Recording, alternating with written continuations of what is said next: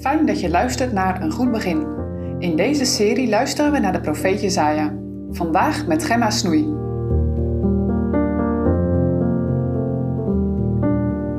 De apocalyps gekomen. Fijn dat je luistert naar de podcast. Deze week behandelen we de apocalyps van Jezaja. Dat is pittige stof met veel dreiging, oordeel en ellende. Maar, God zij dank, er is ook hoop. Sion zal verlost worden en God blijft zorgen voor zijn kinderen, dwars door alle ellende heen. We lezen vandaag Jesaja 24, vers 1 tot en met 6.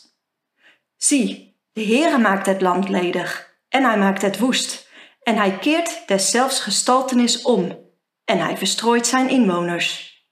En gelijk het volk, alzo zal de priester wezen, gelijk de knecht, alzo zijn heer, gelijk de dienstmaagd, alzo haar vrouwen, gelijk de koper, alzo de verkoper, gelijk de lener, alzo de ontlener, gelijk de woekeraar, alzo die van welke hij woeker ontvangt.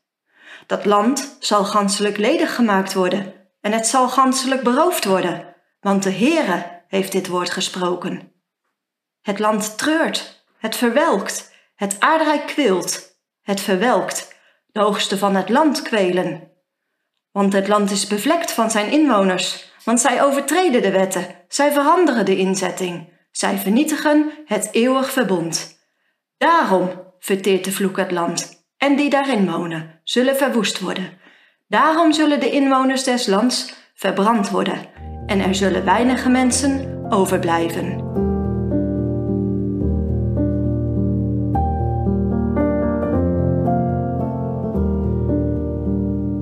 Apocalyps, wat is dat? Een apocalyps gaat over de eindtijd, de laatste tijd van het leven op aarde.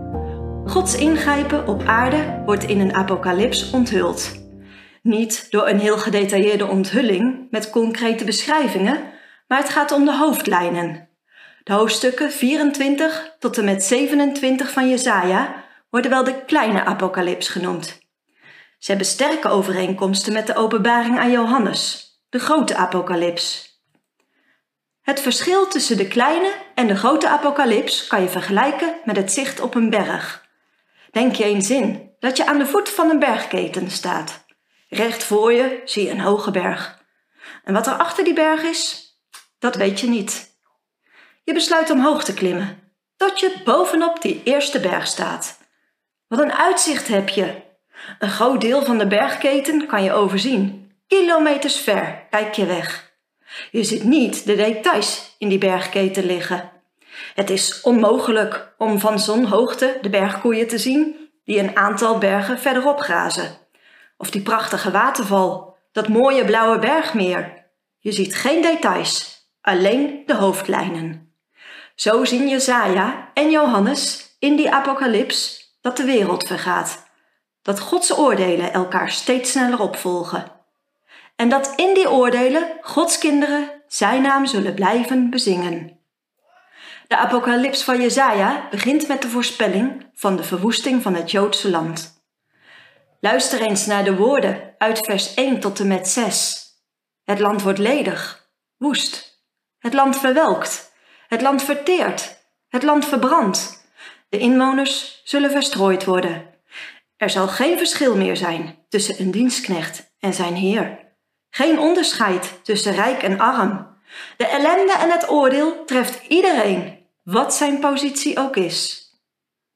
Wat lijkt de apocalyps van Jesaja op de tijd waarin wij leven? Denk eens aan afgelopen zomer, aan de droogte. Wat was er een neerslagtekort? In grote delen van Europa heerste intense droogte.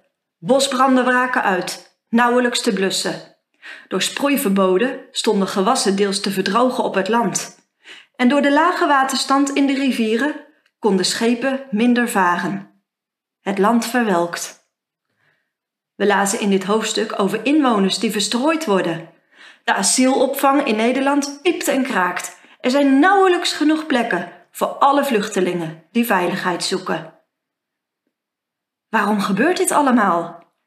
Het antwoord staat in vers 5 want het land is bevlekt vanwege zijn inwoners, want zij overtreden de wetten, Zij veranderen de inzetting. Zij vernietigen het eeuwige verbond. Eigenlijk is het antwoord heel simpel.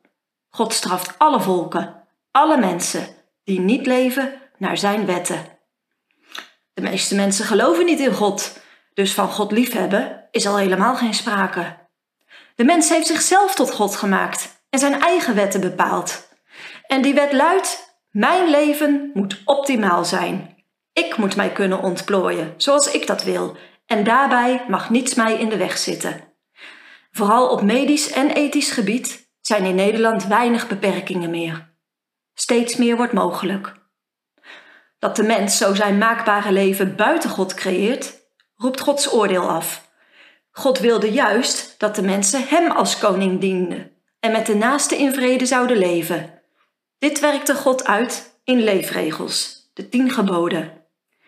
Met het geven van die leefregels belooft God voor zijn volk te zorgen. Het zal de mensen wel gaan. Ze zullen overvloed, rust en vrede hebben als zij zich aan Gods wetten houden. Als zij hun eigen wetten volgen en God niet nodig hebben, dan straft Hij. Door bijvoorbeeld oorlog, misoogst, droogte, ziekte of een pandemie. Jezaja heeft dit duizenden jaren geleden al geprofeteerd. Het land zal verdrogen, verteren en verbranden als de inwoners God niet dienen.